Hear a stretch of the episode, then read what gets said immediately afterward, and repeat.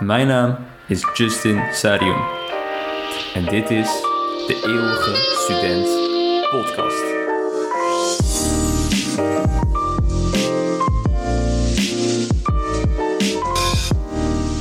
In deze podcast bespreek ik onderwerpen zoals mindset, gezondheid en persoonlijke ontwikkeling.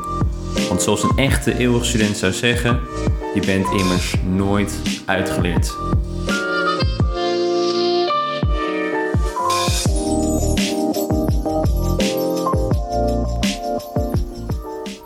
Ik ga je een vraag stellen en ik wil dat je eerlijk antwoord geeft op de vraag.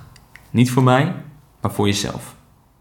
Wanneer was de laatste keer dat je alleen in een ruimte was, je aan het eten was, ontbijt, lunch, avondeten en dat je niet afgeleid naar de tv, je computer of je mobiel aan het kijken was? Misschien was het gisteren en dan ben je heel goed bezig, maar misschien moet je wel heel goed nadenken wanneer was het nou precies en waarom doe je dat nou eigenlijk? Dat is precies waar we het vandaag over gaan hebben in deze aflevering single tasking. En single tasking, misschien denk je al aan, hey, dat lijkt op multitasking. Het is namelijk het tegenovergestelde. Bij multitasking, waar we inderdaad meerdere dingen, multi, meerdere dingen tegelijkertijd proberen te doen eh, in dezelfde tijd, is, gaat single tasking eigenlijk dat we één taak tegelijk doen. Eigenlijk maar op één ding focussen. En deze aflevering ga ik je vertellen waarom dit nou zoveel voordelen voor je kan hebben, zowel persoonlijk als op professioneel vlak. Dus luister lekker mee, want tegenwoordig is er zo'n hype om multitasken. We zeggen dat alleen vrouwen kunnen multitasken, uh, mannen zeggen dat alleen mannen kunnen multitasken. Heel veel mensen zeggen dat niet kunnen en dan is er altijd wel een uitzondering, maar de vraag is überhaupt of we überhaupt willen multitasken. Want er zijn nog best wel wat haken en ogen bij het multitasken waar we niet zo vaak eigenlijk rekening mee houden. Dus vandaar eigenlijk het concept singletasking, wat ook zo belangrijk is en ook zeker de moeite waard is om het te proberen. Want eigenlijk, ja, multitasken bestaat er zoiets. Als je veel onderzoeken leest, hebben ze het vaak over dat daadwerkelijk multitasken niet echt bestaat, maar dat we eerder onze aandacht gewoon heel snel kunnen verplaatsen tussen de twee acties die we doen. Dus stel bijvoorbeeld je bent tv aan het kijken en je zit op WhatsApp of Instagram, dan ben je ze eigenlijk niet tegelijkertijd aan het doen. Je schakelt heel snel tussen de twee objecten, tussen je beeldscherm van je tv en je beeldscherm van je mobiel. En dat doe je heel snel aan, uit, aan, uit, naar links, naar rechts, naar links, naar rechts. En dat lijkt natuurlijk heel goed. Het is soms zelfs een skill wat mensen op een cv zetten dat ze kunnen multitasken. Maar het kan ook hier en daar ja, nogal gevolgen hebben die je misschien niet altijd wil hebben. En bij multitasken gaat het namelijk vaak over verlies in aandacht en concentratie. En we doen het steeds vaker. Tuurlijk zijn er misschien momenten dat het voor moet komen dat je echt moet opletten. Denk bijvoorbeeld bij een belangrijke meeting van je werk waar je twee dingen in de gaten moet houden. Of als je op moet passen op je kinderen, dan moet je misschien inderdaad op meerdere dingen rekening houden. Daar kunnen we simpelweg niks aan doen. Maar heel vaak zijn we aan multitasken omdat we gewoon te veel afleiding hebben. En daardoor creëren we ook dat we gehardwired worden om op zoek te gaan naar afleidingen of dat we meerdere acties tegelijkertijd ondernemen. Een voorbeeld hiervan is als je kijkt dus gaan lunchen op werk. Hoe vaak zit je wel niet te lunchen terwijl je nog op je laptop wat dingen aan het afmaken bent? Of terwijl je nog aan het whatsappen bent of social media aan het gebruiken bent? Uh, als ik op straat loop, zie ik vaak genoeg mensen met een buggy lopen waar een kind in zit en tegelijkertijd nog even op een mobiel, wat dan ook te doen. Mobiel en tv, je moet je misschien werken aan een bepaald project uh, op werk. Tegelijkertijd denk je even snel mijn e-mail nog checken, want misschien is er nog wat belangrijks. Of even snel het nieuws checken en je bent weer uit de concentratie. Dus heel vaak brengen we onszelf eigenlijk in de multitask mode omdat we zo gewend zijn dat we eigenlijk gehardwired zijn. We kreven ernaar, we willen het hebben omdat we afleiding willen hebben en het soms lastig is om ons één ding te concentreren. Maar waarom doen we dat nou eigenlijk? Want als je ook kijkt naar heel veel boeken van mensen die bijvoorbeeld in de ergste situatie zijn geweest, mensen die op een sterftebed hebben gelegen, gelegen hoe vaak hoor je dan dat iemand op zijn of haar sterftebed zegt: Had ik maar extra gewerkt tijdens mijn lunch? Had ik maar iets langer op social media uh, mijn tijd besteed?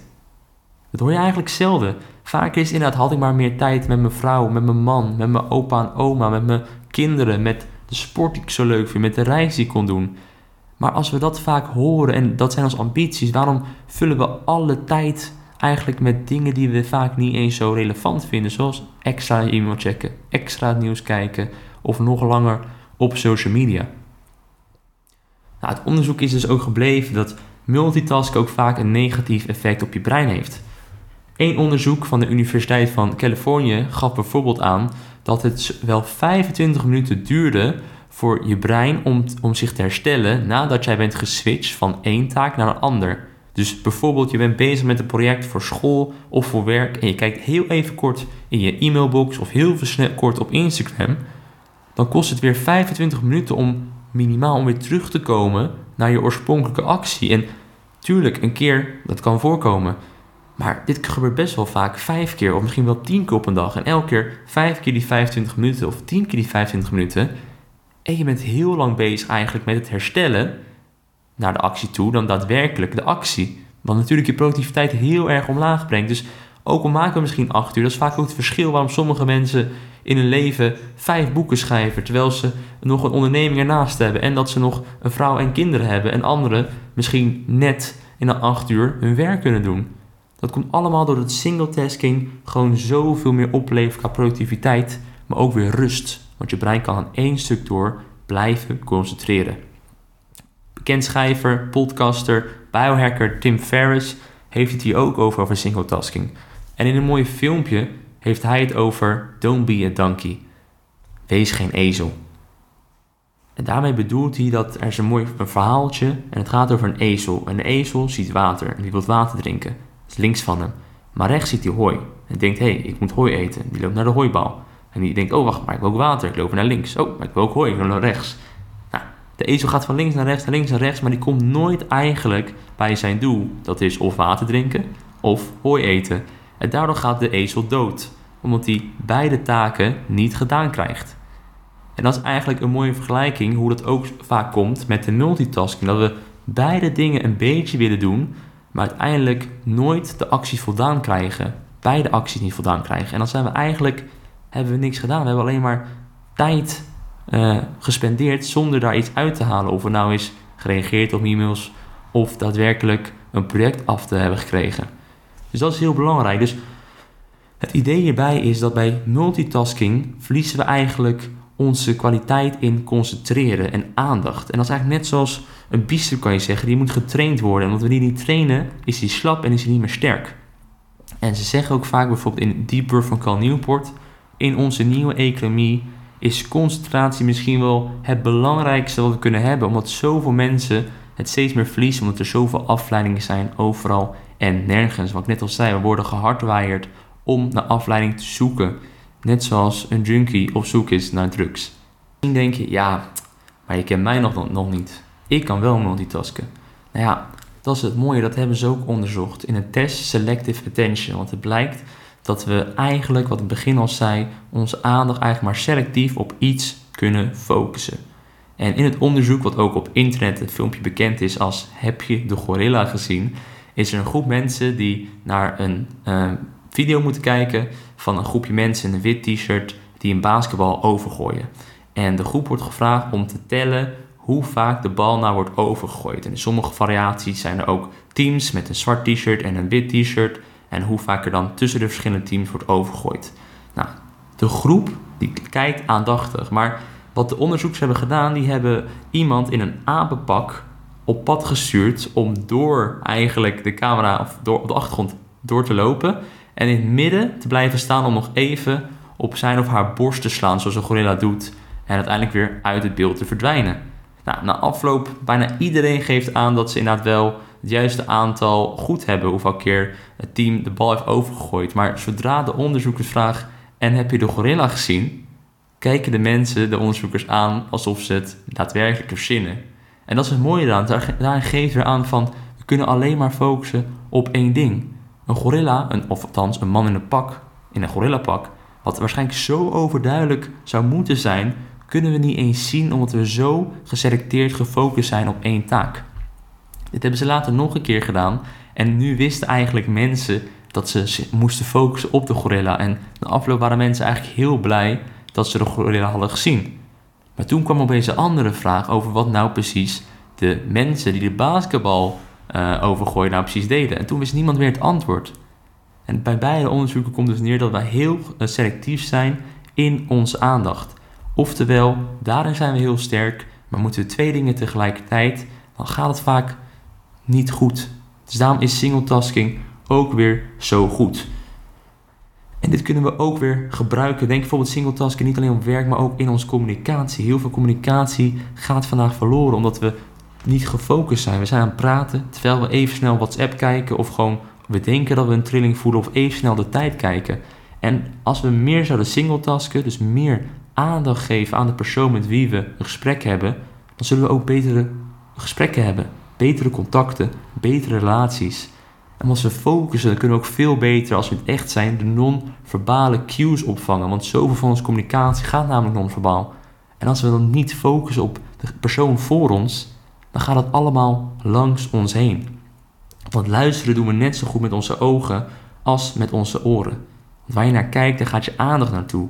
Jordan Peterson zegt dat ook in zijn boek What You Aim At Determines What You See. Dat is precies wat in het onderzoek met de gorilla, waar je, waar je op focust, dat zul je zien. Dus als je focust op de basketbal, zie je niet de gorilla. Focus op de gorilla, kan je niet bijhouden hoe vaak de basketbal wordt overgegooid.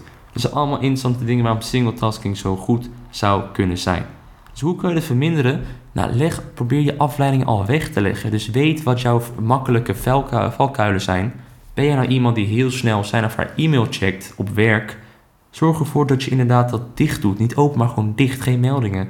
Ben je meer van je mobiel? Leg hem in een andere kamer of op een plek waar het moeilijker te pakken is. Of op een plek waar je niet de meldingen kan zien.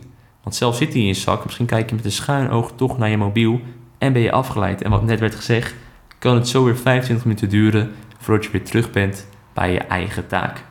Verder, maak een planning. Geef jezelf tijd wanneer je misschien wel afleiding mag hebben. Vaak focussen op onze planning eigenlijk alleen maar op wat gedaan moet worden. Maar het is misschien wel beter om ook onze afleidingen in onze planning mee te nemen. Dus bijvoorbeeld het eerste uur op werk kijk ik geen e-mails. Of juist wel. Maar ga er achterna en wat handig is. De eerste keer uur als ik opsta, pak je mijn mobiel niet. Er is een regel dat ik bij het avondeten geen elektronica meer heb. Of na 8 uur kijk ik juist tv en geen social media meer. Hiermee help je jezelf en kan je steeds beter worden in singletasking. Want dat moet weer getraind worden. En als we dat doen, krijgen we eigenlijk veel betere productie. Want we geven al onze aandacht en concentratie maar aan één taak, waardoor die taak beter wordt. Dus betere productiviteit, betere communicatie, betere relaties. Dus ga weer bij jezelf na. Stel deze vraag, eh, stel de vraag jezelf morgen weer of volgende week. Wanneer was de laatste keer dat je alleen gegeten hebt zonder mobiel? Of alleen tv gekeken hebt zonder mobiel? Of misschien zelfs alleen gewandeld hebt zonder naar muziek te luisteren? Dit is alweer het einde van de aflevering. Ik wil je hartstikke bedanken dat je de tijd hebt genomen om naar deze aflevering van de podcast te luisteren. Vond je dit nou een leuke aflevering? Laat het me weten door een reactie te plaatsen op welke streamingdienst je ook deze podcast beluistert. Daar help je niet alleen mij mee, maar ook andere toekomstige podcastluisteraars. En wil je meer weten? Volg de podcast dan op social media: Facebook, YouTube en Instagram. Gewoon onder de naam De Eeuwig Student Podcast. Hierop zul je leuke filmpjes zien, boekaanbevelingen en nog veel meer. Nogmaals bedankt en tot de volgende keer.